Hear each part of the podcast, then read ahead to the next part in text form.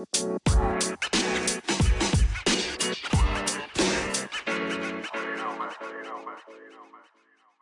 Witam serdecznie w kolejnym odcinku podcastu Salonik u Jacka. Nazywam się Grzegorz Złotowicz i zastępuję kolegę, który nie może poprowadzić dzisiejszego odcinka. Do podcastu Jacek chce zapraszać różnych ludzi zajmujących się dostępnością. Kto jednak porozmawia z nim samym, który w dostępności pracuje już prawie okrągłe 20 lat? Nie będzie więc niespodzianką, gdy powiem, że naszym gościem jest dzisiaj Jacek Zadrożny. Cześć Jacku. Dzień dobry. Ja z tego miejsca chciałbym wyraźnie podkreślić, że to był pomysł Grzegorza, a nie mój. Nawet się trochę zastanawiałem, czy to jest dobry pomysł, ale zobaczymy. Skoro mam okazję Cię zapytać o różne sprawy, to porozmawiamy nie tylko o dostępności, ale też o człowieku prowadzącym na co dzień, a właściwie na co tydzień ten podcast. Wiem o tobie niewiele, niektórzy pewnie dużo więcej, inni trochę mniej, więc żebyśmy wszyscy mieli podobny początkowy stan wiedzy, przygotowałem krótkie wprowadzenie przed pytaniami.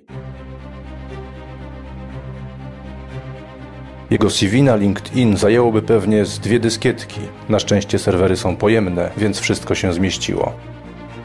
Ministerstwo Cyfryzacji, Ministerstwo Inwestycji i Rozwoju, Biuro Rzecznika Praw Obywatelskich, Centralny Instytut Ochrony Pracy, Uniwersytet Warszawski, około 15 różnej wielkości fundacji i stowarzyszeń, Polski Związek Głuchych, Polski Związek Niewidomych, Polskie Forum Osób Niepełnosprawnych, a to jeszcze nie wszyscy jego pracodawcy. Pracował dla nich m.in. jako naczelnik, dyrektor oddziału w Warszawie, ekspert do spraw dostępności, koordynator merytoryczny projektu, wykładowca. Gdyby był kobietą, spokojnie mógłby mówić o sobie Ja jestem kobieta pracująca. Żadnej pracy się nie boję. A co mówią o nim niektórzy współpracownicy? Justyna Kucińska, prezeska Fundacji Instytut Rozwoju Regionalnego. Jacek jest profesjonalistą zaangażowanym w to, co robi. Ma ogromną odwagę do wypowiadania i dyskusji na tematy, które niejednokrotnie są trudne. Adam Pietrasiewicz, radca w Kancelarii Prezesa Rady Ministrów. Jacek? Facet, który zawsze wzbudzał we mnie wielki kompleks niższości. Sprawiał, że czułem się zupełnie malutki przy nim.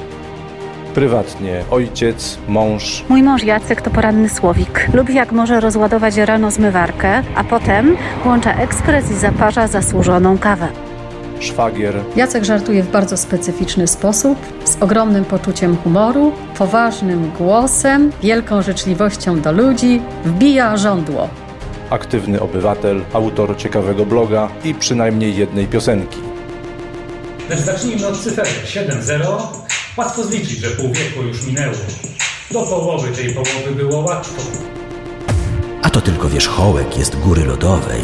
By wszystko ci omówić, musiałbym mieć dobę.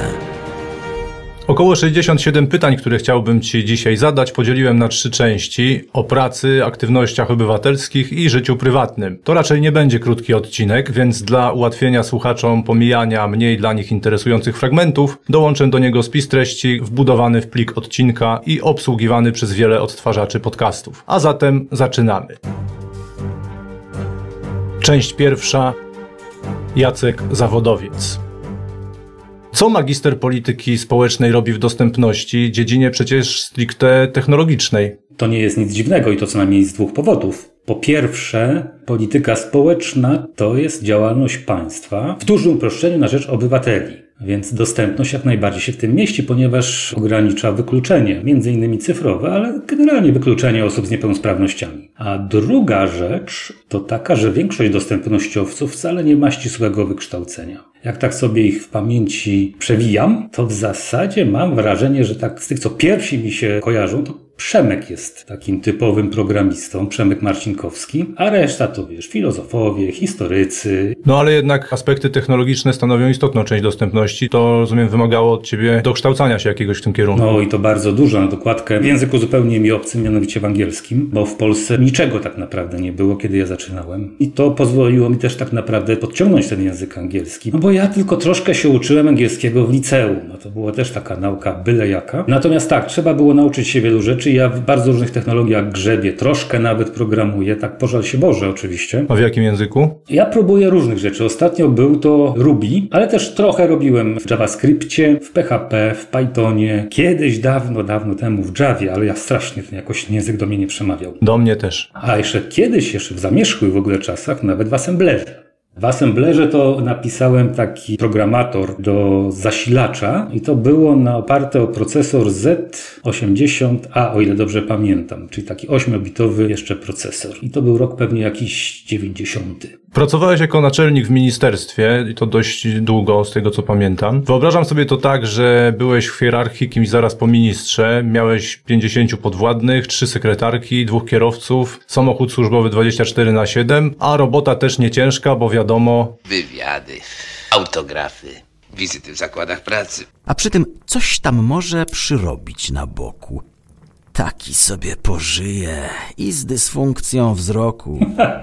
A jak to naprawdę z tym było? Przede wszystkim to ja nie byłem tym naczelnikiem znowu aż tak długo, bo awans dostałem w lutym 2020 roku, a pracę zakończyłem z końcem listopada tego samego roku. Pracowałem oczywiście dłużej, ale naczelnikiem zostałem po mniej więcej pół roku, troszkę więcej jak pół roku pracy. No i naczelnik to jest szef wydziału. Wydział jest częścią y, departamentu nad departamentem jest dyrektor biura ministra i minister oczywiście, więc w tej hierarchii to ja byłem, jeżeli już w ogóle tak traktować, to na trzecim poziomie. No i miałem bardzo dużo rzeczywiście sekretarek i pracowników. To był Adam, tu już w tym dżinglu na początku puszczany. I od pewnego czasu e, Mateusz Knyt, taki młody człowiek, bardzo fajny. I to już. Samochodu nie miałem, sekretarki niestety też nie miałem. I a, i pracowaliśmy w takim pokoju przejściowym. Jak ktoś chciał przejść do pokoju tam, gdzie zajmowali się rozwojem cyfrowym, to skręcali w naszym pokoju w prawo, a jak chcieli coś o kompetencjach, to w lewo. Co ci się udało osiągnąć na tym stanowisku? Muszę ci powiedzieć, że nie wiem, bo ja się już nauczyłem, że trzeba dużo siać tych nasionek i je podlewać i że to nie wyrasta tak od razu. Więc tutaj też jest, mam, mam przekonanie, że też na pewno jakieś rzeczy powyrastały już i powyrastają, natomiast to wszystko trwa. Trwa, bo to jest taki opór materii bardzo silny. Tam nie tylko mówię o ministerstwie, ale w ogóle ludzie mają bardzo dużo różnych obowiązków, a to jest jeden z kolejnych, jeżeli chodzi o dostępność cyfrową. Ja sobie z tego doskonale zdaję sprawę, bo jako naczelnik na przykład z nienacka musiałem się nauczyć, jak się robi plan zamówień publicznych, albo plany budżetowe, albo jak korzystać z narzędzi do zarządzania projektami. Coś, z czym nie miałem nigdy do czynienia i natychmiast się musiałem nauczyć. I okazało się wtedy, że przestałem się praktycznie w ogóle zajmować dostępnością, no bo już zwyczajnie to nie miałem czasu, więc to mniej więcej tak się dzieje. Opór był silny, w różnych miejscach jakby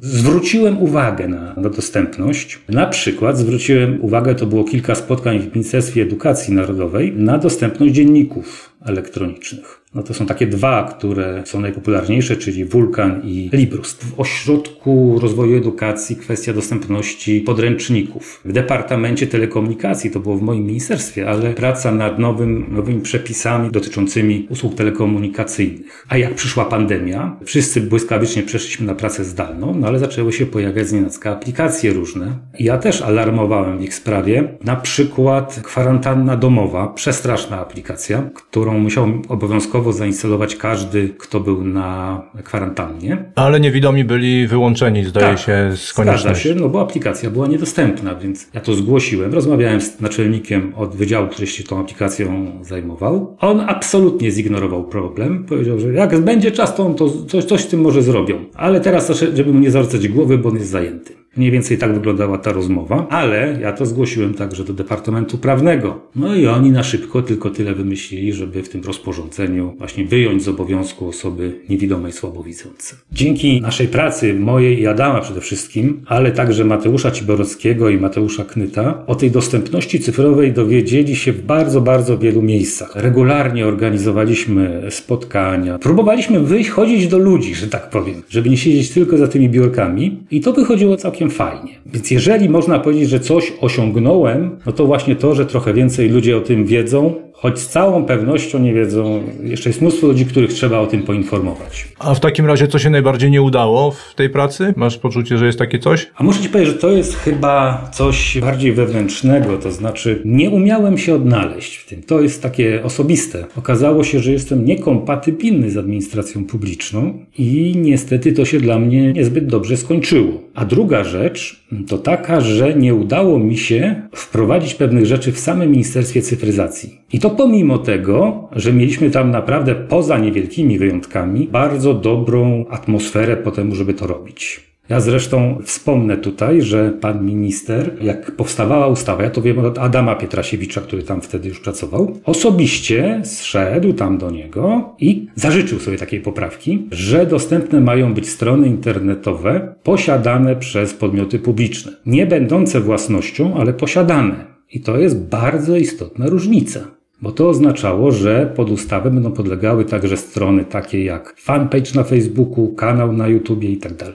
Gdyby postawić tylko własność, no to dostępność byłaby outsourcowana i nic by z tego nie było. Więc sobie bardzo pana Marka Zagórskiego cenię, że o tym też pomyślał. A jakich narzędzi używałeś w tamtej pracy, jak z ich dostępnością? No to jest ten właśnie kawałek, którego nie udało mi się przewalczyć, co zresztą napisałem w takim raporcie, który się składa co roku. Nic mi się nie udało tam tak naprawdę wywalczyć. Głównym narzędziem, którym się pracowało jest takie narzędzie EZD-PUW, czyli elektroniczne zarządzanie dokumentacją, a PUW to jest od Podlaski Urząd Wojewódzki, bo tam to narzędzie wyprodukowano. No i jest to narzędzie bardzo niedostępne, chociaż podobno konkurencyjne, które jest w innych ministerstwach, jest jeszcze gorsze. To było takie narzędzie, to była taka aplikacja webowa, za pomocą której się otwierało sprawy, tworzyło się dokumenty, dodawało do nich te metryki przeróżne, przeprowadzało przez proces decyzyjny itd., tak itd. Tak no i niestety były tam rzeczy, których ja w ogóle nie byłem w stanie zrobić, które robił za mnie Adam. Na przykład założenie sprawy było dla mnie absolutnie niewykonalne, mimo tego, że ja no, jestem ogarnięty, z byle powodu się nie poddaję, jeżeli chodzi o aplikację. W środku były też takie różne podsystemy, takie głównie dla pracowników, na przykład system taki kadrowy. Tam były informacje o wynagrodzeniu, o urlopie, o stażu i takich rzeczach też całkowicie był niedostępny.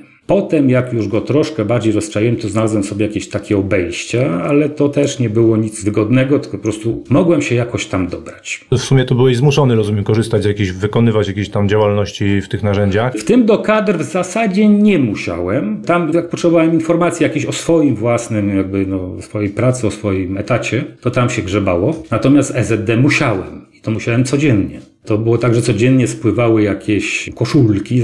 No to tak naprawdę to jest symulacja w pewnym sensie urzędu po prostu. No. Że były takie koszulki, że były tam segregatory, sprawy i tak dalej. I to spływało. Ja, ja się musiałem zajmować obsługą tego, albo decydować, że to nie moje i oddawać, albo decydować, że moje i obrobić. A potem jak stałem naczelnikiem, na dokładkę jeszcze musiałem dekretować to dalej. Ale miałeś jakiegoś asystenta, który ci w tym pomagał? Nie, nie, nie. Tak jak mówiłem, w tym jak sobie zupełnie nie dawałem rady, to w tym mi pomagał Adam, ale a w pozostałych rzeczach to musiałem sobie radzić. Tam w ministerstwie też było taki komunikator ministerialny od firmy Cisco, Cisco Jabber. To też jest taka aplikacja, którą jakby ktoś na złość zrobił, żeby była niedostępna, bo tam praktycznie nic się nie dawało zrobić. Nawet poprosiłem Wydział Informatyczny, żeby mi zamienili go na Mirandę, no bo ona obsługuje protokół Jabber, ale nigdy się tego nie doczekałem. A potem było jeszcze gorzej, bo się pojawiły projekty unijne, a więc trzeba było też wypełniać e, generator aplikacyjny. To jeszcze powiem Ci, że całkiem niezłe było taki SOWA. SOWA, system obsługi wniosków aplikacyjnych. Chyba tak to należy rozszyfrowywać ten skrót. To on jeszcze był jako taki, ale system do sprawozdawania to była jakaś tragedia. Tam znowu też nic nie byłem w stanie zrobić. To czasami czarna rozpacz była. Część rzeczy poprawiła się, jak poszliśmy na kwarantannę, no bo wtedy przeszliśmy na Teams. No i tu się okazało, że ministerstwo jest do tego bardzo dobrze przygotowane. To było niesamowite. Wyekspediowanie 400 osób z ministerstwa do domu z komputerami zajęło dwa dni, 12 i 13 marca. Ale tam wszystko było przygotowane. Jedyne co, to brakowało laptopów no bo aż tylu nie mieli i trzeba było je skądś zdobyć, ale cała reszta to już było, to już poszło bardzo gładko. Chociaż panowie byli bardzo zmęczeni i pani, bo tam też była jedna pani. No mieli później czas, żeby odpocząć. Jeszcze jako ciekawostkę tylko powiem, że w tym wydziale pracowały dwie osoby głuche. Jedna całkiem głucha, druga mocno niedosłysząca. Piszesz i tak MC został w MC naczelnikiem w autobiografii, której słuchaliśmy we wstępie, ale jak do tego doszło? Tak po prostu? Nie, to nie było tak po prostu. W ogóle to jest... Ja popełniłem błąd, bo się zgodziłem. Chociaż doskonale wiem, że się nie nadaje na szefa, bo to jest coś, czego ja nie umiem robić i nie lubię. No ale było nas do wyboru dwóch, ja i Adam. Nie wiem dlaczego moja dyrektorka Justyna się zdecydowała, że to jednak ja lepiej, żebym był. No ale tak zdecydowała. Pomęczyła mnie razem z wicedyrektorem. Ja się tak szybko nie dałem, jeszcze rozmawiałem oczywiście z Ewą na ten temat, bo ja się tego zwyczajnie bałem, to jakby no, nie, nie, nie moje to jest takie. No i słusznie, że się bałem, natomiast się zgodziłem i to uważam za ogromny błąd. Dżentelmeni nie rozmawiają o pieniądzach, dlatego zapytam wprost, ile zarabiał naczelnik w ministerstwie? Jak byłem naczelnikiem, to zarabiałem mnożnik 4. Co prawda to było również za obsługę projektu, więc i koordynację. Mnożnik 4 to znaczy, że to czterokrotność takiej kwoty bazowej dla wszystkich urzędników w Polsce. I ona wynosiła 1930 kilka złotych. Brutto, Brutto tak, rozumiem, tak, tak? Więc to wychodziło... Prawie 8. Tak, prawie 8. No ale do tego dodatek za wysługę lat, premie, dodatek funkcyjny, nigdy- trzynasta nie, nie, pensja. Nie, nie. Znaczy trzynastka była rzeczywiście, tak, to prawda, ale wysługi żadnej oczywiście nie Czasy miały. pod gruszą. Były, tak. Chociaż wcale nie takie tłuste. Ewa w przedszkolu zostaje takie same. Natomiast jak ktoś długo pracuje, to rzeczywiście wysługa lat jest bardzo takim atrakcyjnym dodatkiem. Nie dostawałem żadnego dodatku funkcyjnego. Nie wiem, być może są takie funkcje, które się dostaje. Ja nie dostawałem. To było wszystko w zasadzie. Czy dobrze się domyślam, że ci po cichu rzucali jakieś kłody pod nogi i dlatego zrezygnowałeś? Nie, jak już wspomniałem, atmosfera była tam naprawdę bardzo fajna. Cały nasz departament, niezbyt duży zresztą, to byli wszystko super fajni ludzie. Inni z ministerstwa też. Tak jak mówię, no zawsze się ktoś tam trafi, więc ja też miałem takie dwa egzemplarze, które, trzy nawet, z którymi miałem kłopot, ale i kadrowa była bardzo fajna. A już panie z recepcji to już w ogóle. Zresztą ja byłem też u pana ministra kilka razy i to też było zawsze bardzo przyjemne. Raz nie była przyjemna, ale przeważnie była to bardzo przyjemna rozmowa. Nie czułem, żeby ktokolwiek mi rzucał kłody pod nogi. Raczej nawet potrafili mi coś tam udrożnić. Pomagałeś organizować pierwszy w Polsce hackathon o dostępności. Jakie wnioski z imprezy i czy były następne? No, wniosek jest taki, pierwszy, żeby już więcej do Złotowicza nie wysyłać sugestii, żeby wziął w tym udział, bo on się wypina. Ale zrobiłem jedno z proponowanych Tak, zadań. zrobił, to prawda i nawet pewnie jeszcze działa, tak?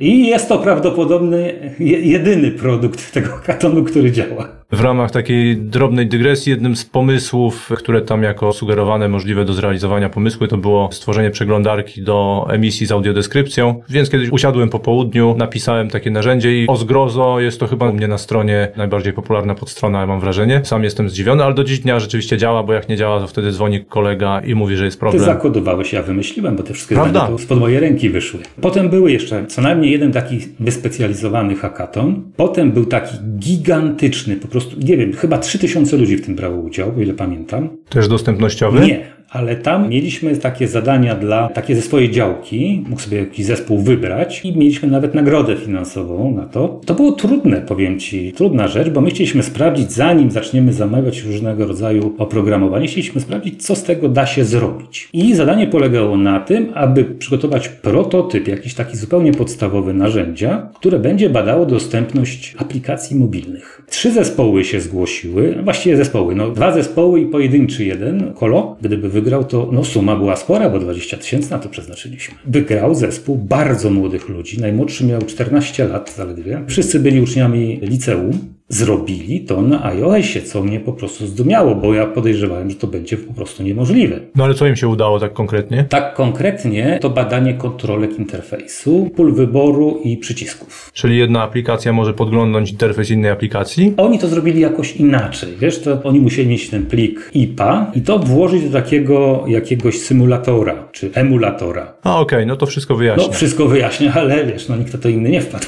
W Twoim CV przewijają się też inne ministerstwa. Czy miałeś jakąś styczność i możesz ocenić dostępność używanych tam narzędzi pracy? Nie, ja wewnętrznych narzędziach w innych ministerstwach nie pracowałem. Tam to była współpraca taka ekspercka, no, taka doraźna nawet bym powiedział. Więc zasadniczo tam się wymienialiśmy dokumentami. Były takie sytuacje, że dowiadywałem się o pewnych narzędziach używanych tam w środku po efektach, że tak powiem. Na przykład po formatach, jakie stamtąd wychodziły, po, po tym, jakie tam były API, jakie zabezpieczenia i tym podobne. Ale to była tylko taka wiedza wnioskowana. To drugie narzędzie do zarządzania dokumentami jest teraz w KPRM używane, ale jest także używane, o EDOC, to się nazywało EDOC. Jest też używane w Ministerstwie Rodziny i Polityki Społecznej, gdzie to pracuje minister Paweł Wdówik. I to narzędzie, jak się okazuje, jest jeszcze bardziej niedostępne niż E EZD-PUW. Jest praktycznie w ogóle niedostępne. W Twoim CV nie tylko rząd, bo też wiele różnych fundacji, kilka firm. Jak tam u nich z dostępnością narzędzi pracy? Organizacje pozarządowe przeważnie nie mają tego ogarniętego.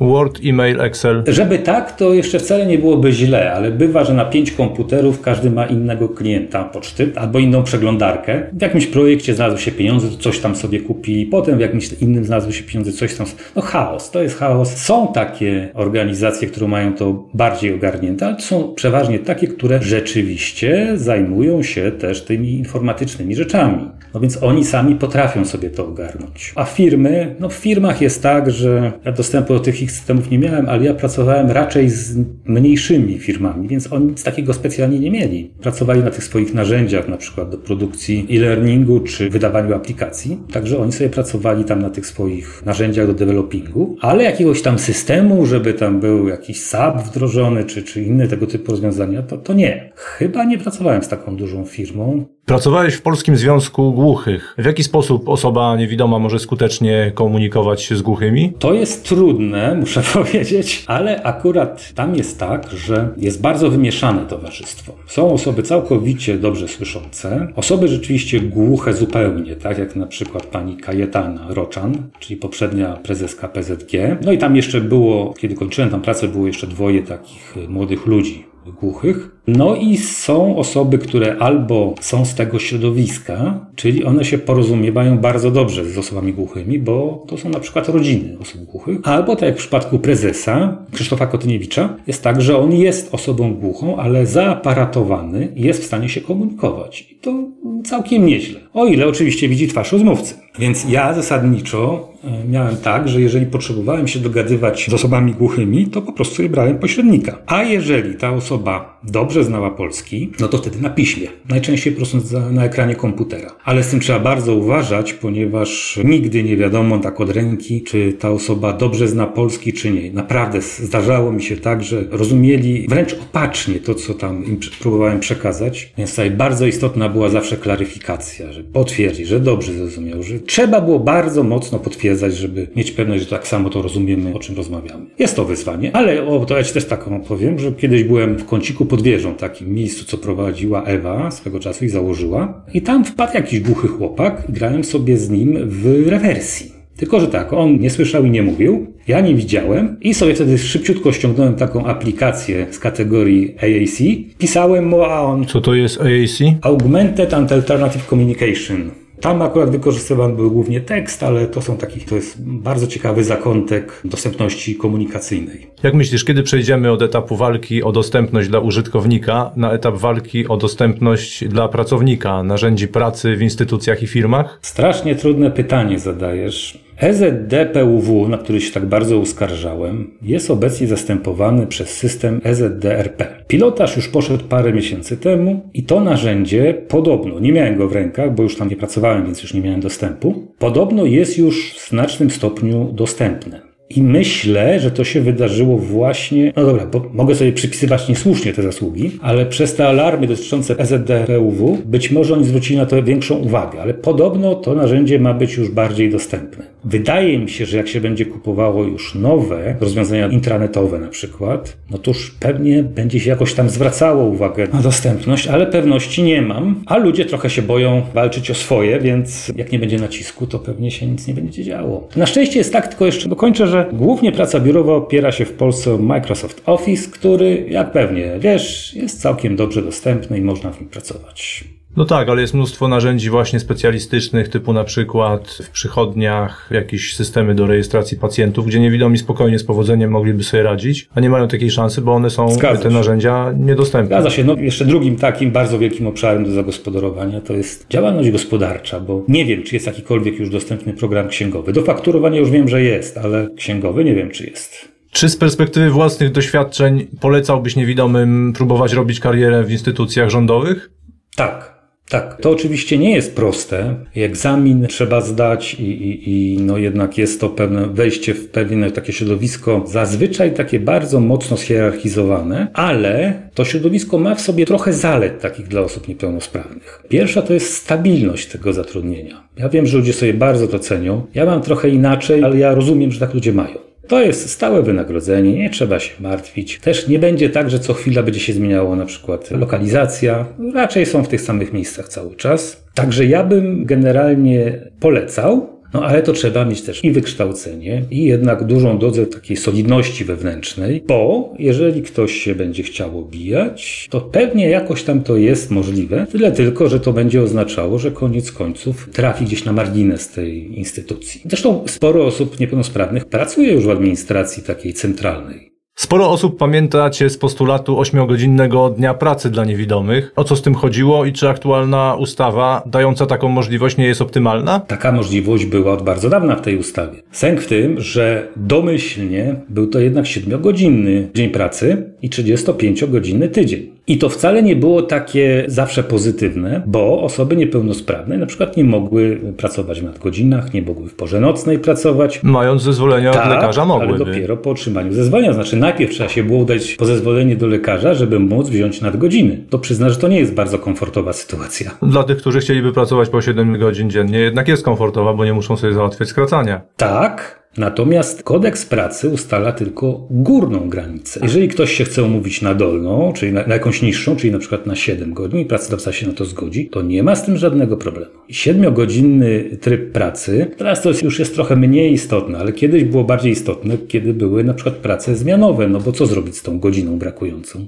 W przypadku takiego gościa, który nie może robić po 8 godzin, po prostu go nie zatrudniać. No właśnie, no, dokładnie o to mi chodzi. W przypadku pracy zmianowej problem jest i tak taki, że niewidomy nie może pracować w nocy, więc i tak trzecia zmiana mu odpada. Lecimy dalej. Każdy zawodowiec ma w swoim know-how różne sztuczki, sposoby, metody. Słyszałem, że masz bardzo ciekawy patent na wykrywanie śledzenia w internecie. Wykrywanie śledzenia w internecie? Tak przypuszczałem, że możesz mieć problem z odpowiedzią na to pytanie, więc mam tu dla Ciebie małą ściągę. Otwiera wszystkie informacje dotyczące tego, która pani i gdzie pokazała się w bikini.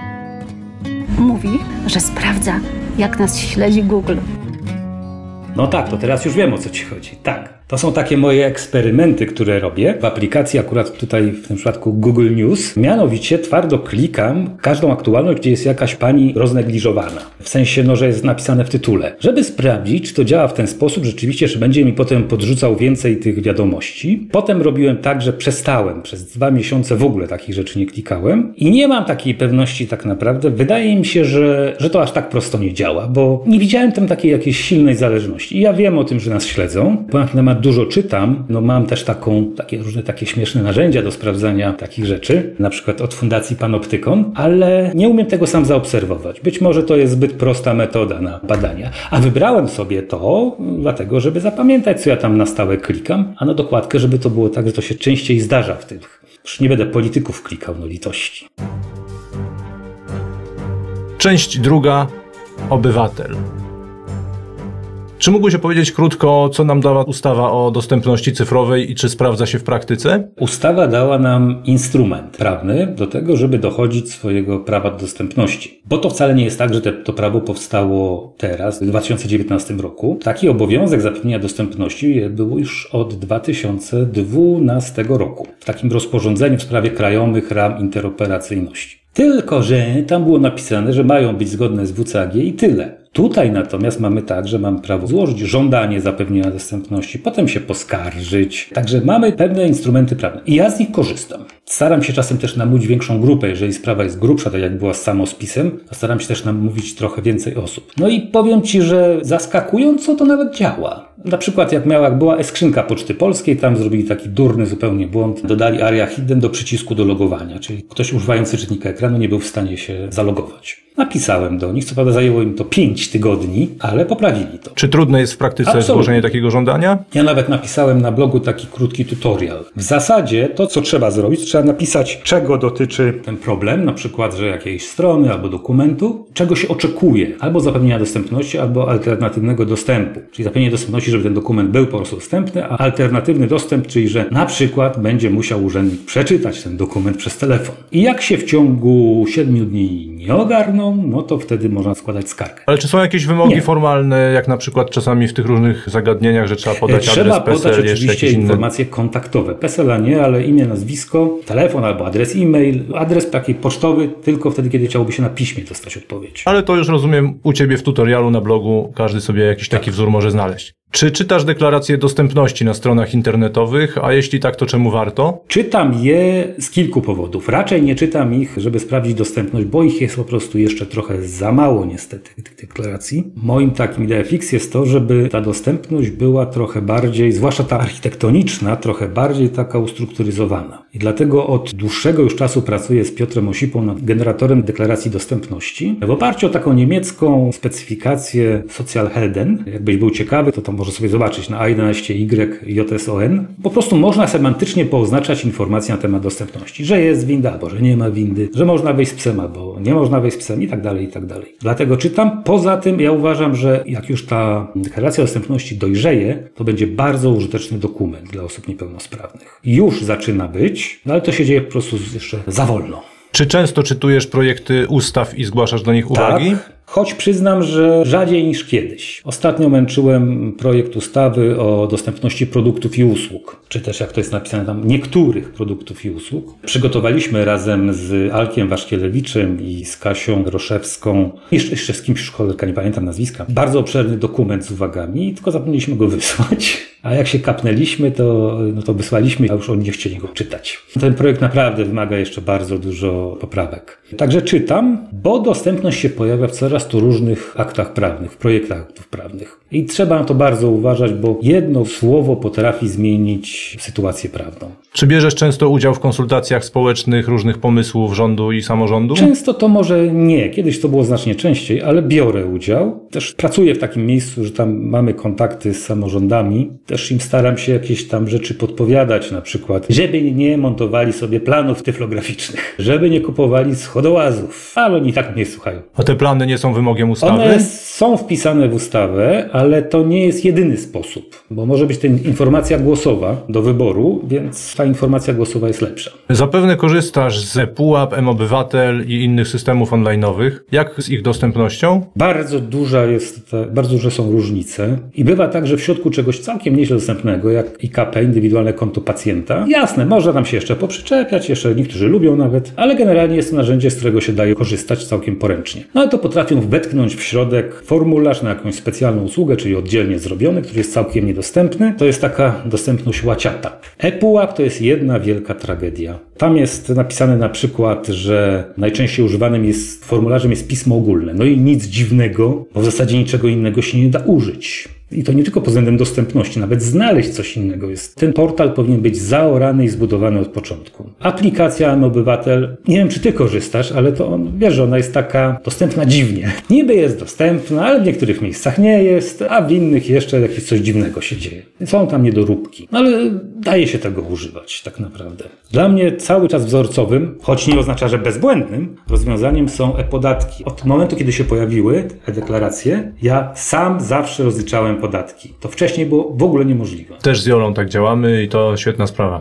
Czy podpisujesz się dowodem i czy działa to poza relacjami z administracją publiczną? Podpisuję się, jeżeli tylko mam taką możliwość. Co więcej, zawsze sprawdzam, czy mam taką możliwość i czasami mi się udaje. Jak dostaję mail na przykład, że o, tu proszę rachunek wydrukować, podpisać, zeskanować, wysłać do nas, a oryginał włożyć do koperty i wysłać, to ja zawsze pytam, to może ja bym elektronicznie podpisał. Czasem jest tak, a nie, nie, bo tutaj to Pefron to chcę mieć na papierze. Albo o, nie, nie, nie, nasza księgowa tego nie przyjmie. Ale czasami bywam, no, no dobrze. I tak już nawet parę osób przekonałem, że to jednak działa. Czy rachunek, czy, czy umowę, bo nie ma żadnych przeszkód, żeby stosować takie podpisy w obrocie takim prywatnym. To jest kwestia tylko umowy między dwoma stronami. Brałeś kiedyś udział w walce o nakładki do głosowania. Udało się, ale czy było warto? Było warto. Po pierwsze dlatego, że to był pierwszy taki moment, gdzie pokazaliśmy, że, bo to przecież ty mówisz, walczyłeś. Przecież to było sporo ludzi wtedy przy tym. Mówiłem, że brałeś udział, nie mówiłem, że ty A, jeden. dobrze, przepraszam, dobrze, słusznie, słusznie. Bo to był pierwszy taki moment, żeby pokazać, że to jednak osoby niewidome to nie są tylko te biedne, co grają na gitarach pod kościołem albo pracują w jakimś spółdzielni niewidomych, robiąc na tych No maszynach chyba bym się nie zgodził, że pierwszy, no ale okej. Mówię o tym, że oni są takimi samymi obywatelami i powinni mieć takie same prawa. To bardziej o tym mówię. Bo przecież to nie jest tak, że osoby niewidome wcześniej nie mogły głosować. Mogły. ale nie mogły dotrzymać warunku tajności głosowania. Musiały się zrzec tego prawa do tajności głosowania, żeby móc zagłosować. Nikt inny tego nie miał. Ja uważam, że to było warto, choćby dlatego, ale ja na przykład z nakładek korzystam. Jak są, to ja zawsze korzystam. Czasem mnie to kosztuje strasznie dużo czasu. Ale korzystasz bez sprawdzania z kimś widzącym, jak wyszło? Tak. Czyli w końcu tej pewności, że oddałeś dobry głos, skutecznie głos, który się liczy, nie masz. W tym sensie nie, a kiedy mam taką pewność? No jeśli ktoś widzący by ci zweryfikował, że to jest ten krzyżyk, że A mieści skąd się ja będę, jak zweryfikuję tego widzącego, czy mi prawdę powiedział?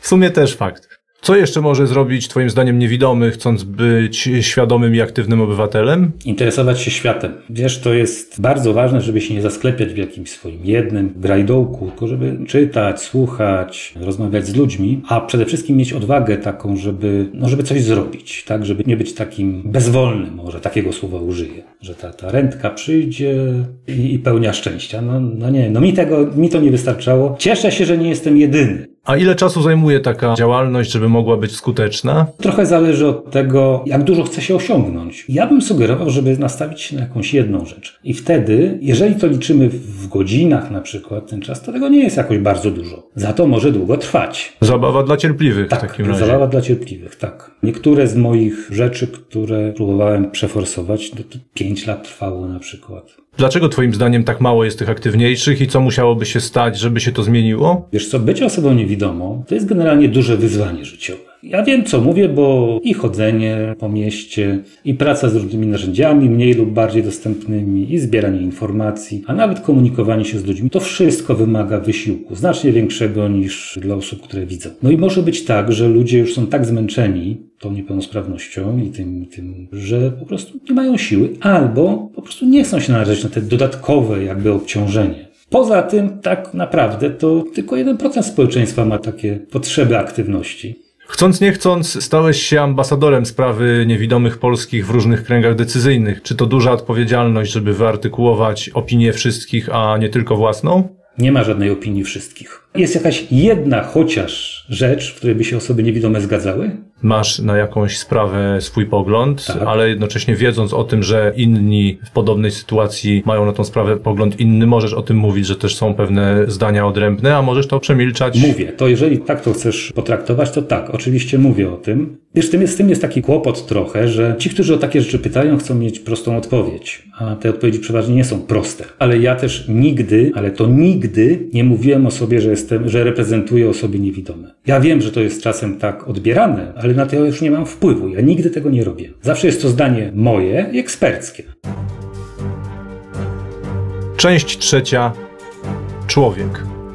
Wiemy już, że rozładowujesz zmywarkę. Włączasz się jeszcze w jakieś inne prace domowe, prócz parzenia dobrej kawy z ekspresu? Staram się, choć cały czas mam poczucie, że mógłbym robić więcej. Wyselekcjonowałem sobie takie zadania domowe, które mogę wykonywać i one nie są takie, że będzie to trwało na przykład trzy razy dłużej albo będzie zrobione trzy razy gorzej. Tak, rzeczywiście tą zmywarkę rozładowuję, często też ją załadowuję, to znacznie trzeba przemyć najpierw zanim się je włoży do zmywarki. Wieszam pranie, zbieram pranie, wynoszę śmieci. To zresztą zadanie jest, wszyscy robią. Służę też jako mężczyzna do noszenia. Trzeba przesunąć jakieś szafki czy coś w tym rodzaju. I nie wiem tylko, czy to jest domowe, ale ja jestem w zasadzie hotlinem do całej elektroniki, jaka jest w domu. Telefonów, komputerów, telewizorów i w ogóle wszystkiego tego. Od czasu do czasu muszę powiedzieć, Stachu, tu niestety nie jestem w stanie Ci pomóc. Ale to się zdarza rzadko. Przeważnie rozwiązuję te problemy. Co lubisz zjeść i czym popić? Zawsze makaron na propsie. Oczywiście nie na słodko, ochyda. Na propsie? Chciałem powiedzieć, że bardzo lubię i najchętniej z e, czymś pomidorowym. Nie muszę mieć mięsa, wiesz? Jem mięso, nie jestem wegetarianinem, ale nie muszę mieć mięsa. Nie muszę też mieć owoców i warzyw. No tak, makaron wystarczy do wszystkiego. W zasadzie tak uważam. A co do picia,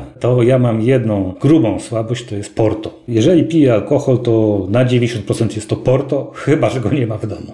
No to wtedy czasem wypiję piwo albo jakieś inne wino. W ogóle nie piję mocnych alkoholi. No i kawę oczywiście pijam. Jakieś nawyki, przyzwyczajenia, nałogi? Rozumiem, że to porto to nie nałogowo. Mam nadzieję.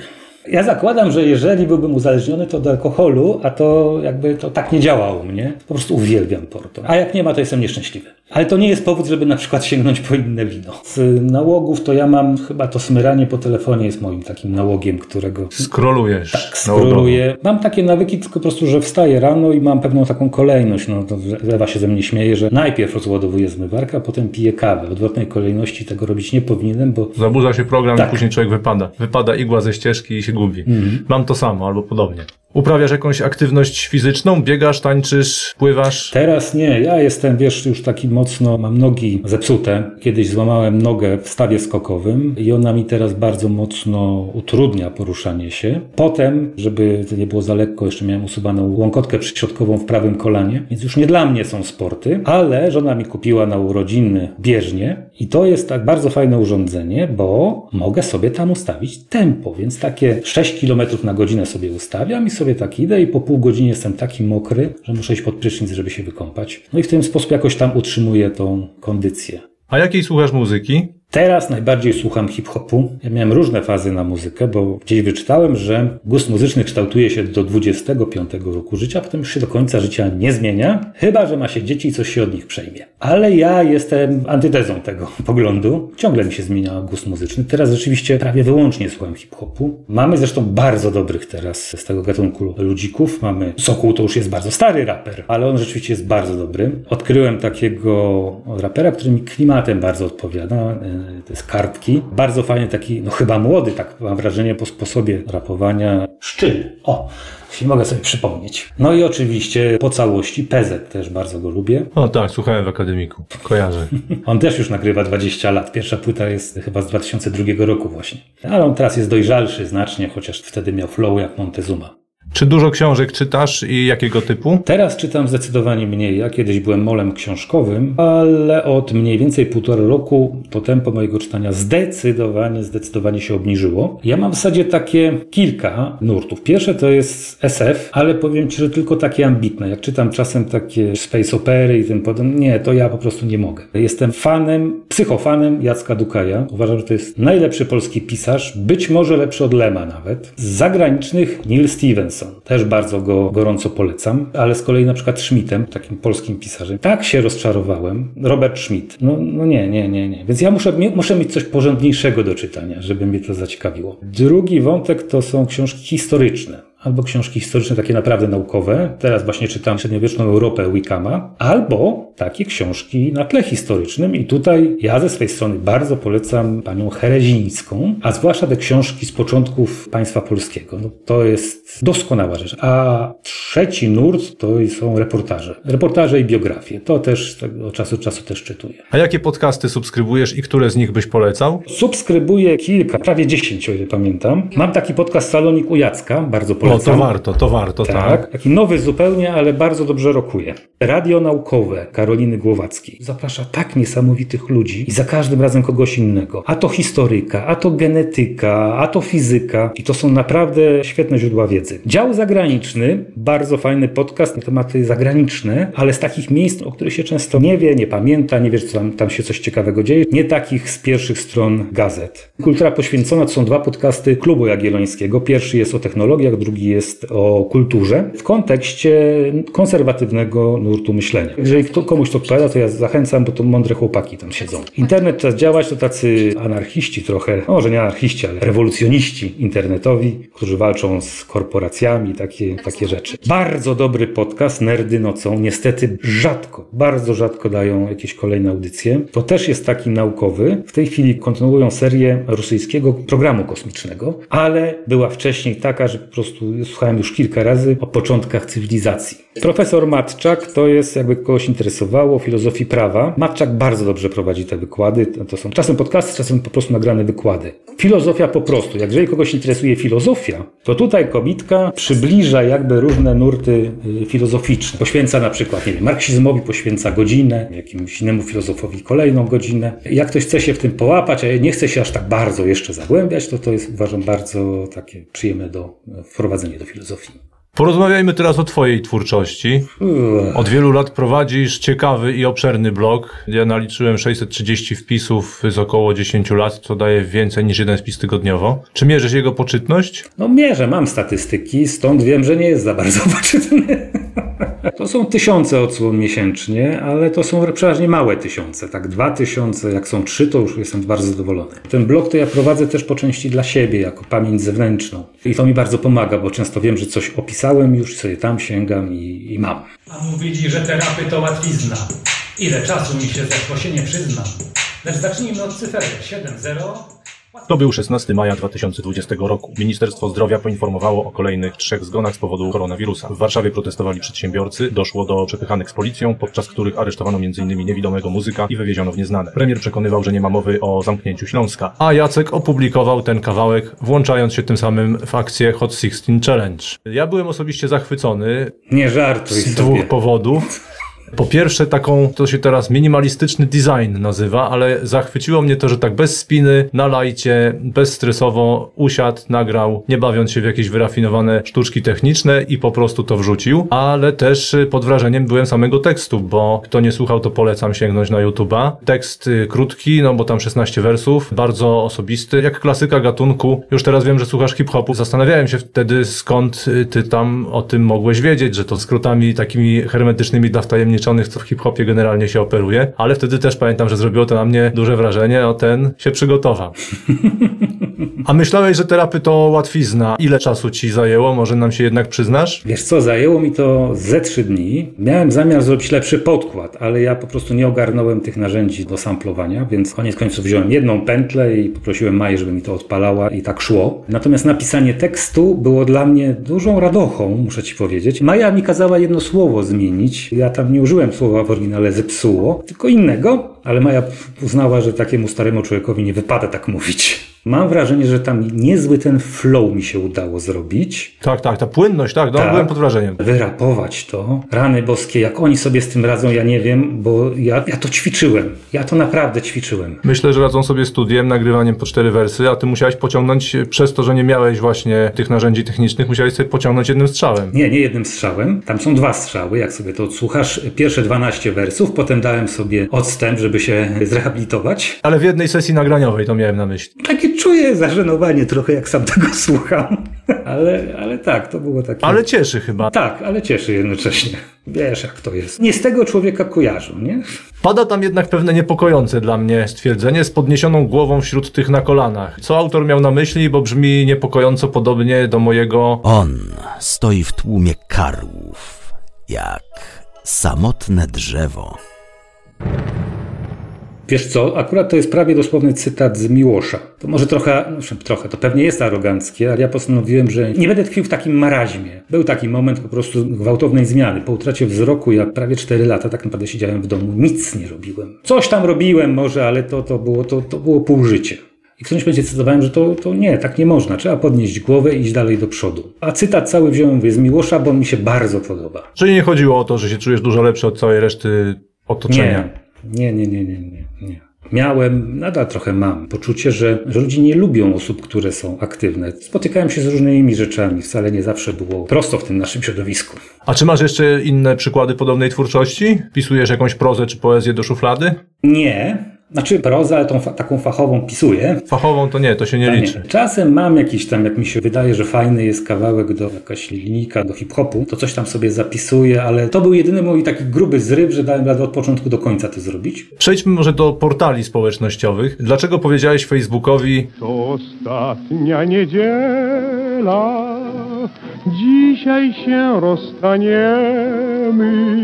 Ja miałem Facebooka w zasadzie dość dawna, z wielu powodów. Pominąwszy to, że jego dostępność jest no, dyskusyjna co najmniej, to impulsem takim bardzo mocnym to było to, co się wydarzyło z Donaldem Trumpem. Jakkolwiek jest mi to osoba, nawet bym powiedział, że jest dla mnie nieprzyjemną, to jednak sytuacja, że jakaś, jakiś portal społecznościowy może wyłączyć prezydenta USA, wydała mi się rzeczą bardzo niepokojącą. Wtedy postanowiłem, że ja w tym nie będę uczestniczył. ale gdzie można znaleźć twoje wpisy stamtąd? Na przykład sprawozdania z pracy w rządzie, które publikowałeś, albo ten świetny o weekendzie, zresztą naszym wspólnym i nie tylko naszym w Białowieży? Co, nawet nie pamiętam, czy zrobiłem archiwum. Chyba nigdzie. Przepadło. No, No więc co w zamian i dlaczego od razu własny serwer? Bo szukałem czegoś alternatywnego, gdzie nikt mi nie będzie mówił, jak mam myśleć, co mam robić. Nie będzie mi tutaj selekcjonował, co ja mam, jakie posty mam widzieć, a jakich nie. No i się okazało, że są takie możliwości i powiem Ci, że zachwyciłem się bardzo tym alternatywnym internetem. Sam pomysł na to, żeby tworzyć różne aplikacje, które łączą się między sobą jednym protokołem, wydał mi się po prostu rewelacyjny, bo tam jest i kopia, znaczy kopia, no taka inspirowana Facebookiem i Twitterem, to jest Mastodon, którego właśnie uruchomiłem,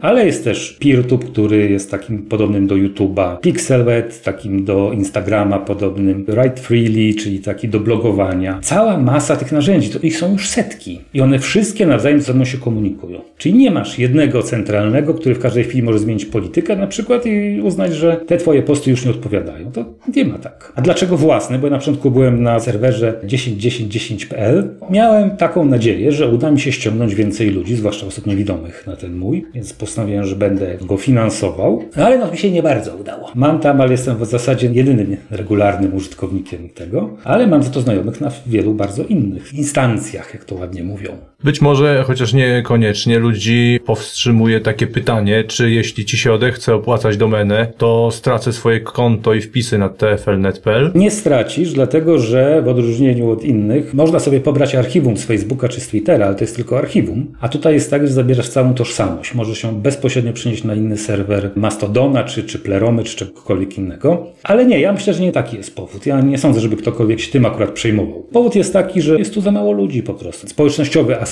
tutaj nie działa. Przechodząc do kwestii narzędzi rehabilitacyjnych, czy dużo sam się przemieszczasz? Teraz mniej niż kiedyś. Kiedyś było tak, że codziennie chodziłem do pracy, a to w Warszawie oznacza tak naprawdę pokonywanie wielu bardzo kilometrów. W takim hardkorowym czasie bywało, że 3-4 godziny spędzałem w podróży do pracy i z pracy. Teraz pracuję zdalnie i muszę Ci powiedzieć, że to się dzieje już od wybuchu pandemii. Ja wyszedłem z ministerstwa 13, bo kierownictwo wychodziło 13, pracownicy wychodzili 12 marca i drugi raz się pojawiłem, kiedy oddawałem komputer i obiegówkę pod odbijałem na koniec listopada. Pracuję od półtora roku już w takiej fundacji tu z Warszawy, Fundacja Wspierania Zrównoważonego Rozwoju i ja jeszcze ani razu nie byłem tam. A jeżeli chodzi o inne chodzenie, to tak, to ja tutaj na początku jak potrzebował tego Staszek, to Staszka odprowadzałem do szkoły. Nie chodzę po zakupy, tak żeby się od razu przyznać. Sam nie chodzę na zakupy. Uważam, że to jest jednak nie, nie, nie coś, co ja, z czym ja sobie bym sensownie radził. Natomiast jeżdżę, no bo czasem jakieś tam... Miałem na przykład często spotkania na Ogrodowej w ciągu ostatniego roku. Czasem jadę gdzieś tam do znajomych. Ale to zdecydowanie jest mniejsza aktywność niż była czy dwa lata temu. Czy korzystasz z jakiejś aplikacji do nawigacji? Nagminnie. Ja w zasadzie robię to cały czas, kiedy się przemieszczam. Jedyny wyjątek robię, jak idę do mamy, no bo to już jest droga tak oklepana, że to już nie ma takiej potrzeb.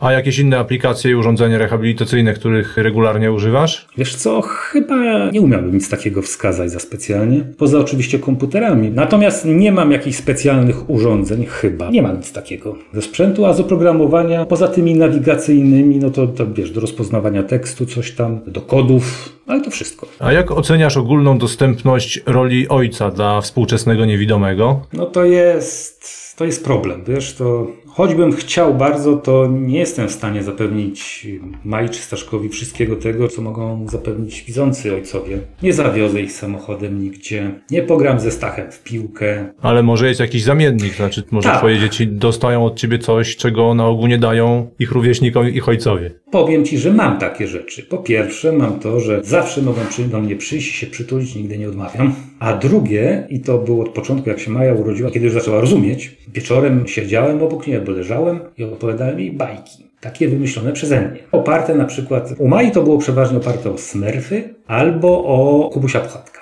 I powiem Ci, z niektórych jestem dość dumny nawet, jakie powymyślałem. A u Staszka z kolei miałem tak, że to że wymyśliłem już całkowicie postacie, to są takie trzy krasnoludki. Ja nie wiem, czy już Staszek się połapał, dlaczego się nazywają Alfred, Barnaba i Cyryl, no ja te imiona wymyśliłem, żeby zapamiętać. No i oni mają przeróżne przygody w różnych miejscach, także ja tam sobie pozwalam przemycać takie różne informacje, wiesz, o różnych krajach, o tym, co się tam dzieje, o jakichś tam konstrukcjach, budowlach i tak dalej. Tak łącząc to wszystko jeszcze. I to im daje takie, co czuję, że inni ojcowie raczej nie dają albo rzadziej. Widzące dziecko ma przewagę operacyjną nad niewidomym ojcem i myślę, że wcześniej czy później zacznie to wykorzystywać. Jaki masz na to sposób? Nie ma uniwersalnego sposobu na to niestety. Moje dzieci są zupełnie różne. przypadku Mai to jest oparte o zaufanie. To ono było wypracowane dawno temu. Ono jest bardzo głębokie. W związku z tym ja wiem, że jak się z Mają na coś umawiam, to jestem umówiony. Ja mogłem spokojnie chodzić z Mają na przykład na plac zabaw, nawet jak miała te 3-4 lata. No my byliśmy umówieni. A ze Staszkiem jest inaczej. Z nim się nie da umówić. On jak ma swoje postanowienie, to robi po swojemu i nie jestem na to w stanie nic poradzić. Raczej nie nadużywa tego, że nie widzę, choć czasem próbuję tam po cichutku się wymknąć, ale ja mam dobry słuch i jestem inteligentny, więc przeważnie mi się to nie udaje. Nie mam takiego poczucia, że jakoś tam nadużywają. Oboje oszukiwali mnie w kartach. Tak, to wiem.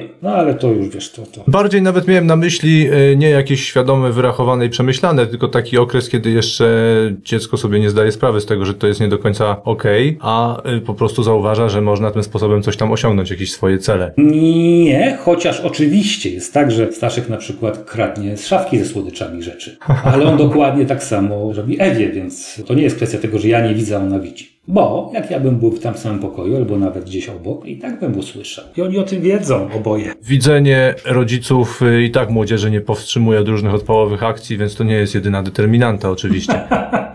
No pewnie tak. Mówi się, że małe dzieci mały kłopot, ale jak bezwzrokowo sprawdzić, czy bawiący się spokojnie dwulatek właśnie nie pcha palców do kontaktu? To jest kolejny duży problem. Akurat jeżeli chodzi o kontakty, to, nie, to jakby sobie z tym inaczej poradziliśmy, bo kupiliśmy takie zaślepki do gniazdek. Dziecko nie jest w stanie ich wyciągnąć. Więc te gniazdka, które były nieużywane, to po prostu zaślepiliśmy. Potem się wkłada w to śrubokręt i wyciąga i gniazdko jest otwarte. Ale inne rzeczy może robić, tak? Może się bawić jakimś nożem, czy o, nam się zdarzyło kiedyś, że Maja znalazła jakąś tabletkę. I to taką tabletkę, której naprawdę nie powinna jeść. Wsadziła do gęby, na szczęście była gorzka, więc szybko wypluła. Nie mamy nad tym takiej pełnej kontroli, a z drugiej strony nie chcemy trzymać cały czas dziecka blisko i za rękę, bo my uczymy dzieci do samodzielności. Więc po prostu trochę z duszą na ramieniu po prostu pozwalamy im na, na takie zachowania i eksperymentowania. Jak wiemy, że coś jest niebezpieczne, to oczywiście jako to, to reagujemy, ale, ale nie pilnujemy przez cały czas. Bunty nastolatków i ogólnie sytuacje konfliktowe. Czy pojawia się wtedy stwierdzenie, że tata, ty nie widzisz, to nie wiesz? Nie, przynajmniej w przypadku Mai, bo ona jest nastolatką, Staszek ma niecałe 10 lat. W przypadku Mai nigdy mi się to nie zdarzyło. Nigdy. A jakie było siedem punktów umowy, którą podpisałeś z córką przed wypuszczeniem jej na manifestację? To wygrzewałeś, rozumiem, z Mastodona, tak? Oczywiście. Mojego. Ja sobie pomyślałem, że, bo to była parada równości, różne rzeczy dzieją się na tych paradach, chociaż w Warszawie pewnie jest stosunkowo najspokojniej. Pierwsze było takie, że ma być cały czas za Leksem z którym była na, na tej paradzie. Drugie, że nie może reagować na agresywne zaczepki. Potem, że jeżeli się pojawi zagrożenie, ma uciekać, nie żadne tam wdawać się w awantury, tylko uciekać że ma wrócić najpóźniej o godzinie 20 do domu. Po manifestacji ma pozdejmować te tęczowe emblematy, żeby coś się nie przydarzyło jeszcze w pociągu albo gdzieś tam jeszcze. Kompleksowo przemyślane. No panie, to jest moja córka ukochana, moja księżniczka. No i przygotowałem to, to porozumienie w dwóch egzemplarzach. Ewa uznała, że świruje. Maja być może też tak uznała, ale nie miała z tym problemu. Podpisała. Zdziwiła się, że drugi egzemplarz, no drugi jest dla mnie. Podpisała drugi egzemplarz. E, złożyła i poleciała. Czy jest ze mnie ćwierć faceta, czy całe pół?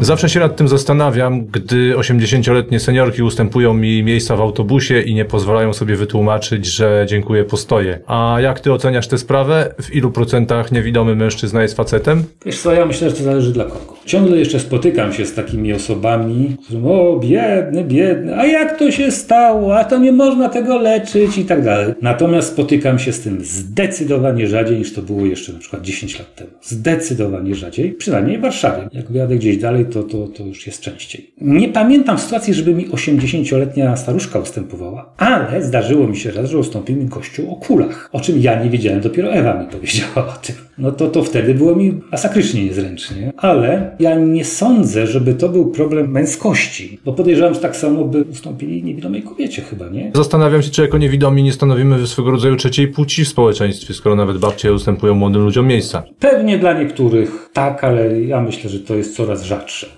Nie odpowiedziałeś na moje pytanie. W ilu procentach twoim zdaniem niewidomy mężczyzna jest facetem? A w ilu procentach osoba niewidoma jest ruda? Ja się czuję w 100% facetem, jeżeli o to pytasz. I to jest konkretna odpowiedź. Skoro już o procentach mowa, to mówi się, że 90% informacji człowiek pozyskuje zmysłem wzroku. Najlepiej może to porównać jednak przecież tylko ktoś, kto ćwierć wieku widział, a drugie ćwierć nie. Więc ile to jest twoim zdaniem procent? Czy są różne te wyliczenia, akurat nam 85%, ale to jest podobna liczba. I tak na pewno jest. Tyle tylko, że no, kiedy się nie widzi, no to ta struktura jest z oczywistych względów zupełnie inna i pozyskujemy informacje. Myślę, że proporcjonalnie to pewnie jest z 80% na słuch i 10% na pozostałe zmysły, przede wszystkim dotyk. Natomiast rzeczywiście jest taka duża utrata informacji przez to, że się nie widzi i to w bardzo różnych kontekstach, na przykład komunikacyjnych. No nie, nie mając kontaktu wzrokowego z rozmówcą, nie śledząc jego mimiki czy, czy ruchów ciała też, no to traci się ten kanał komunikacyjny, on jest bardzo ważny u ludzi. Ja wiem też, że osoby niewidome od urodzenia nie są w stanie sobie przetworzyć obrazu płaskiego na obraz trójwymiarowy. Ale za to te osoby jakby ćwiczyły te swoje zmysły pozostałe, no i one,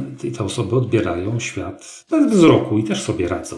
Problem polegał głównie na tym, że generalnie ludzie przygotowują sobie informacje wizualnie a osoby niewidome tych akurat informacji odebrać nie mogą. I właśnie przygotowanie tych informacji w taki sposób, żeby mogły odebrać, to jest właśnie ta dostępność. Ale w przypadku aktualnego rozwoju technologii, tych wspomagających i tak dalej, porównując swoją obecną sytuację jako osoby dobrze zrehabilitowanej z sytuacją pobierania wszystkich informacji te ponad 25 lat temu, to na ile byś ocenił to zmniejszenie się tego strumienia przychodzącego? No bardzo dużo się zmniejszyło, co paradoksalnie wcale niekoniecznie musi być wadą. Ludzie są w tej chwili przebodźcowani informacjami, które atakują ich w każdym momencie. Idąc ulicą, po prostu masz co chwila informacje wzroku. Co chwilę, co sekundę, co metr. My jesteśmy od tego odcięci, co sprawia, że przynajmniej pod tym względem nie jesteśmy przeciążeni informacyjnie. Więc ma to swoje też jakieś tam zalety. No może na siłę wyszukiwane, ale jednak. Trudno sobie wyobrazić bardziej traumatyczne doświadczenie niż utrata wzroku, zwłaszcza pewnie w młodym wieku. Czy wyjście z depresji po czymś takim sprawia, że człowiek staje się psychologicznie odporny na wszystko? Nie,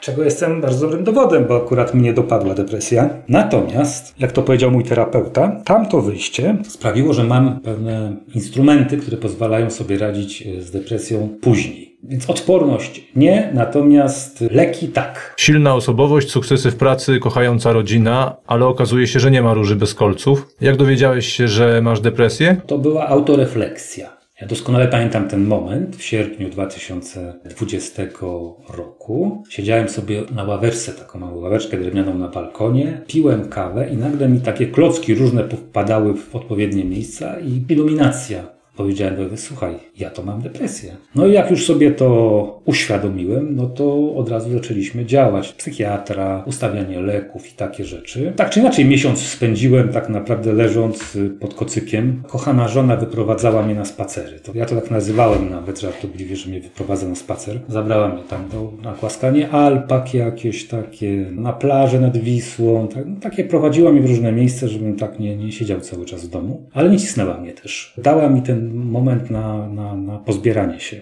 Wydedukowałeś sobie na ławeczce przy kawie, ale rozumiem, że specjaliści mają jakieś obiektywne metody, żeby to potwierdzić lub zaprzeczyć, tak? Gdyby twoje wnioski jednak się okazały błędne. Wiesz co, i tak, i nie. To jest tego rodzaju choroba, że nie do końca można z całą pewnością ją stwierdzić albo jej zaprzeczyć. To jest jednak choroba psychiczna, czyli to nie jest tak, że masz, nie wiem, ułamany ząb albo otwartą ranę. To jednak się analizuje coś, czego nie widać. Czyli nie ma jakichś pomiarowych metod pracy mózgu, czy takich tego typu. Nie, a przynajmniej ja nie wiem, żeby takie były. Ja na pewno takich nie miałem i nie słyszałem, żeby, żeby takie istniały. To się po objawach raczej diagnozuje. No właśnie, bo może my też. To znaczy, skąd wiadomo, czy złe samopoczucie, zmęczenie, tego typu objawy to jest tylko zmęczenie pracą, jakieś przeciążenie, a kiedy warto się zbadać w tym kierunku? Ja bym po pierwsze spojrzał, czy to jest zjawisko długotrwałe. Bo każdy może być zmęczony pracą. Tylko, że takie zmęczenie pracą oznacza, że jak się wypocznie, to jest się wypoczęty. W przypadku depresji tak nie działa. Możesz sobie dowolnie wypoczywać. Ja miesiąc leżałem i to nadal nie zmieniło niczego. Leki zadziałały, ale miesiąc nic nie robiłem. Długotrwałość tego i czy, czy działa odpoczywanie, czy daje ci ulgę. Drugie to jest takie zniechęcenie. Ja to moją pracę w ministerstwie jednak dość lubiłem. Męczyła mnie, ale dość ją lubiłem. A pod koniec było tak, że ja wiesz, podchodziłem do komputera i miałem takie. I jeszcze parę razy tak wzdychałem, zanim usiadłem. To takie zniechęcenie do wszystkiego. I kolejna rzecz, przynajmniej u mnie ona była, nie wiem jak ona się często zdarza, ale takie rozdrażnienie i łatwe uleganie emocjom, może tak bym to nazwał. Łatwo było mnie bardzo wyprowadzić z równowagi. Byłem nadwrażliwy, o tak, coś co by na mnie nie zrobiło wrażenia w normalnej sytuacji, to wtedy mogło na przykład na mnie wywrzeć bardzo duże wrażenie. U mnie to jeszcze był taki objaw, że przestałem czytać książki. To się zbiegło niemal dokładnie z początkiem depresji. Ja ją sobie tak szacuję, że to był gdzieś tak początek pandemii. Luty, marzec, może styczeń nawet 2020 roku. I ja wtedy, jak, bo ja na Goodreads sobie wszystkie książki notuję, sprawdziłem i się okazało, że ja praktycznie nic nie czytam. Powpadały mi takie różne klocuszki na miejsce eureka. Ludzie się boją osób z depresją, bo nie wiadomo jak z nimi postępować. Na tej samej zasadzie się pewnie boją niewidomych i domyślam się, że metoda postępowania jak z jajkiem nie jest w obu przypadkach dobra. Ale czy można osobę z depresją skrytykować za źle wykonaną pracę albo zlecić do wykonania jakieś trudniejsze zadanie? Pomoże jej czy jemu się od tego odnowi czy pogłębi? To jest bardzo trudne pytanie, wiesz, bo tak może być że komuś to co ci mówiłem, że byłem nadwrażliwy, że byle co potrafiło jakby sprawić, że, że się załamywałem. Czy to oznacza, że nie należy tego robić? No właśnie nie jestem pewien. Wydaje mi się, że wiadomo, że jednak w pracy jesteś pracownikiem, przede wszystkim powinieneś pracować, tak? Jeżeli nie jesteś w stanie pracować, to trzeba iść na zwolnienie lekarskie, tak? Jeżeli to jest rola męża czy ojca, no to jest jednak trochę co innego. To znaczy nie mówiłem o takiej sytuacji, że tak powiem dzikiej depresji, która jeszcze jest niezdiagnozowana, się nie, no albo się jeszcze wymyka jakoś tam spod kontroli, ktoś nie podjął leczenia, tylko mówię bardziej o sytuacji, że ktoś już y, ma tą wiedzę, ma zbadane, ustabilizowany lekami i tak A nie, dalej. to muszę Ci powiedzieć, że ja teraz jestem na przykład bardziej odporny niż jak no, nie, nie brałem leków przed depresją. Prawdę mówiąc, jak się ma dobrze dobrane leki, to ma się na wiele rzeczy wywalone. Także nie wiem, co by się musiało teraz wydarzyć na tym etapie, żeby mnie tak mocno wyprowadzić z równowagi. Oczywiście ja mówię o sobie, żeby nie było tak, że mówię o wszystkich, bo to są różne jednak y, wersje. Chciałem ci taką anegdotkę tylko jeszcze powiedzieć a propos tego wymagania. Ja wiem, że jest taki nurt w rehabilitacji osób po uszkodzeniu kręgosłupa, który polega właśnie na takim no, niemalże siłowym wypychaniu do samodzielności. I to jest tak, że z pięciu osób, na którymś tak pracuję, Trzy z tego wychodzą, są samodzielne, aktywne. Jedna osoba zostaje w domu, sobie nie radzi, a jedna osoba popełnia samobójstwo albo przynajmniej zapada na głęboką depresję. Ale te trzy za to no i to, to jest niestety właśnie ta decyzja, którą trzeba podjąć, jak z tym postępować. Przechodząc do podsumowania naszej rozmowy, Twoja autobiografia daje pewne wskazówki, ale jakie masz najciekawsze wnioski z pierwszych 50 lat istnienia? Pierwsze to, żeby próbować zawsze. Nie mówić, ja tego nie umiem, ja tego nie zrobię, nie dam rady, tylko spróbować. Bo się okazuje potem, że może się jednak daje radę. A jak się nie spróbuje, to się na pewno nie zrobi. Druga, żeby być wytrwałym, bo różne cele się osiąga w różnym czasie. Jeżeli ktoś się spodziewa, że będzie wszystko zaraz natychmiast zadziała, to tak nie jest. Jeszcze jedna jest rzecz, której się dopiero nauczyłem. Kiedyś tego nie miałem. Podejście do ludzi ze zrozumieniem. To chyba Olga Tokarczuk używała słowa czułość, ale to nie jest do końca to. Chodzi o to, żeby wiedzieć, że każdy człowiek coś ze sobą niesie, tak? Że nie jest bez powodu taki, jaki jest. I nawet jak mnie tam ktoś nakrzyczy na mnie, to może dlatego, że akurat miał zły dzień. Może się rozwodzi, może go coś boli, może po prostu jest sfrustrowany, a nie dlatego, że mnie nienawidzi. I ja to przyjmuję, co nie oznacza wcale, że się temu poddaję, bo jeżeli ktoś mnie atakuje, to ja się bronię oczywiście. Natomiast wiem, że powody mogą być przeróżne. Więc tak trochę zrozumienia dla ludzi, to o, tego się nauczyłem. A czego byś sobie życzył na kolejne 50 lat? Ja nie przeżyję kolejnych 50 lat. Tego nie wiadomo. Nie wiem, czy świat przetrwa 50 lat. Sądząc po tym, co się dzieje teraz za oknem, to raczej liczyłbym na jakieś 10. 200 lat temu mówili to samo. 100 lat temu na koniec wieku też. A wiesz, jaka jest różnica? Że teraz mamy to potwierdzone naukowo. To nie są tylko odczucia ludzi. No ale dobra, ja bym chciał mieć tą chęć do, do szukania nowych rzeczy, do interesowania się kolejnymi rzeczami jeszcze przynajmniej przez te 20 lat, które mam szansę jakoś tam przeżyć. Żeby nie okazało się w którymś momencie, że już mi się nic nie chce. Tego bym nie chciał. Chciałbym być nadal aktywny. To przede wszystkim dla siebie, moje dzieci, żeby były samodzielne i szczęśliwe w życiu, moja żona, żeby wreszcie odpoczęła. Takie rzeczy bym chciał na przyszłość. To już wszystkie moje pytania na dzisiaj. Dziękuję Ci bardzo, Jasku, za rozmowę. Dziękuję również i przepraszam, że się rozgadywałem. Cała przyjemność po naszej stronie jako słuchających. No i do usłyszenia. Słyszymy Cię w następnych odcinkach. Tak.